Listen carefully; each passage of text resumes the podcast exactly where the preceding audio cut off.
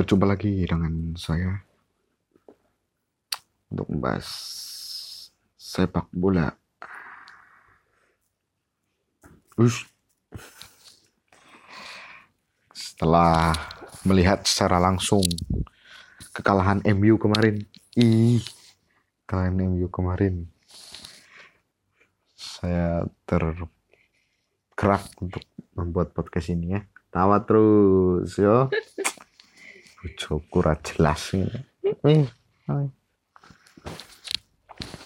Eh, dari apa yang MU tunjukkan kemarin, saya ada beberapa poin yang ah, cukup kecewa ya melihatnya.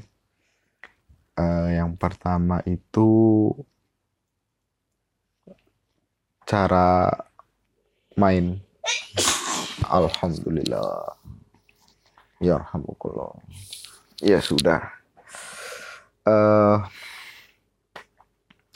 cara main ya jadi itu nggak jelas loh mau pakai sayap atau mau pakai tengah.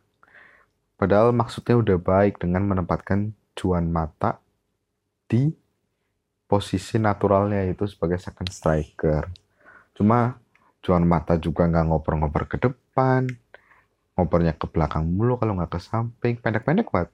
Padahal ekspektasi, uh, tanpa disengaja oh iya, ekspektasi saya tuh Juan Mata bisa bawa bola, playmaker, bagi bola ke samping, terobosan ke depan. Cuma selain karena penjagaan, kayaknya kok ya kurang efektif sebenarnya dalam eh, dua match terakhir gitu. Flu apa? Apa Kenapa? Oh. Terus Pereira juga, Pereira tuh beberapa kali salah passing, dia nggak pernah mencoba dribble, setahu saya, seingat saya. Eh, gagal terus, terus beberapa pergerakannya juga kurang efektif. 2-0 kalahnya. Heeh, terus eh yang agak tapi agak bagus tuh malah Scott McTominay ya. Eh, Scott McTominay dia menurut saya per- apa kemampuannya sebagai midfielder tuh holding midfield ya menurut saya tuh makin baik daripada musim lalu. Jadi itu salah satu prospek positif lah di antara seluruh kenegatifan MU. Dan sayangnya Marcus Rashford pun harus cedera dan MU udah nggak punya striker lagi. Tersisa eh siapa namanya? Anthony Martial yang sebenarnya masih cedera. Dan cukup heran karena Tahit Chong dan Mason Greenwood itu pas lawan Astana tuh sangat baik ya menurut saya permainannya. Eh Tahit Chong main nggak ya? Mason Greenwood sih terutama. Greenwood. Cuma kemarin malah nggak dimainkan sama sekali. Tahit Chong tuh main sebentar pas sebelumnya lawan Leicester kalau nggak salah. Itu saya suka. Dia tuh cukup tenang membawa bola walaupun beberapa kali salah passing. Cuma pergerakannya itu cukup membahayakan. Dia berani nusuk ke area penalti lawan dari samping. Harusnya tuh dia bisa diberi kesempatan lebih. Buktinya Barca pun bisa memainkan Ansu Fati yang umurnya baru 16 tahun. Tahit Chong itu kalau nggak salah 18 tahun atau 19 tahun. Jadi ya dia sebenarnya masih atau sudah pantas lah untuk dicoba dengan lebih rutin dibandingkan mempertahankan pemain yang dimainkan sekarang karena kurang efektif. Ah, Juan Mata tuh sayang sekali ya karena harusnya bisa jadi jembatan antara belakang ke depan atau mungkin holdingnya kurang maju juga. Ah, pokoknya banyak yang fail lah. Si ini juga nih si siapa namanya? Victor Lindelof tuh, aduh, bola-bola atas tuh selalu kalah, jadi kayaknya bakal jadi inceran juga musim ini.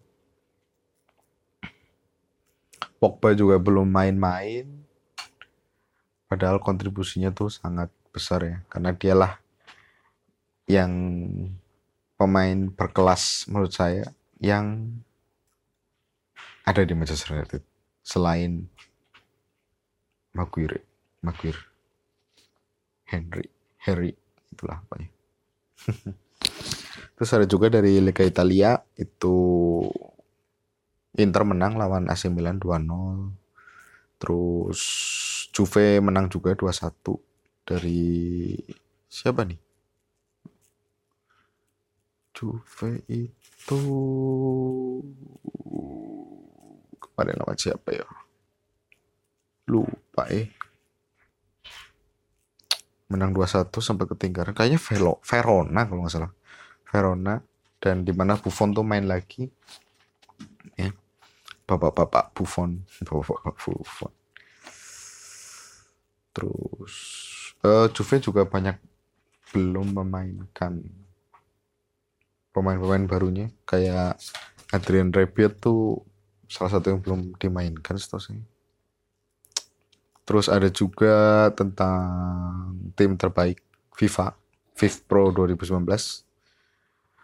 Ada Best 11 yaitu uh, Alisson Becker sebagai kiper, Virgil van Dijk, Matis Delik, Marcelo Sergio Ramos back, gelandangnya ada Eden Hazard, Frankie De Jong, Luka Modric, penyerangnya Mbappe, Messi dan Ronaldo di mana Messi itu meraih penghargaan Men's Fifth Pro of the Year.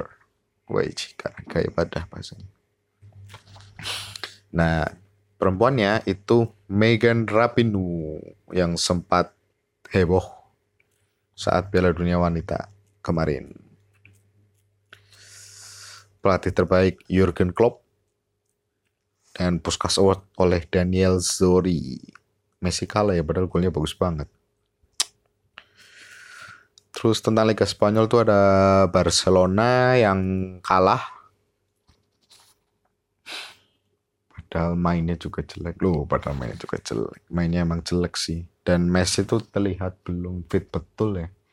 Dua bulan gak main tuh kayak sarafnya mungkin kaku-kaku. Eh, otot kok saraf sih. Ototnya kaku-kaku nih. Jadi ya dia belum menemukan peak performance Griezmann belum banyak membantu, Ansu Fati masih kemudaan, Suarez ya gitulah. Sebenarnya yang cukup menarik perhatian tuh ada dua musim ini. Yang pertama tuh Inter Milan di bawah Antonio Conte itu belum pernah kalah, selalu menang. Dan Lukaku kembali menunjukkan ketajamannya. Walaupun Alexis Sanchez belum kelihatan nih im, apa e, tajinya di Inter tapi buat Lukaku tuh udah sangat-sangat terlihat itu memang kayaknya Lukaku tuh tipe pemain yang membutuhkan kepercayaan manajer secara 100% gitu. Diberi jaminan jadi dia tenang dulu diberi jaminan baru dia bisa main bagus karena udah nggak ada pikiran gitu. Ya seolah kayak nggak mau bersaing tapi ya gitulah. Dan yang kedua Chelsea uh, dengan Mason Mount dan Tammy Abrahamnya itu ketika lawan MU pun walaupun kalah 4-0 tapi permainannya sangat bagus ya menurut saya. Uh, serangannya sangat variatif, terus fighting spiritnya sangat tinggi jadi itu sebenarnya dua tim yang kita tunggu kejutannya di musim ini. Dan Sekian dari saya untuk bola hari ini dan selamat malam.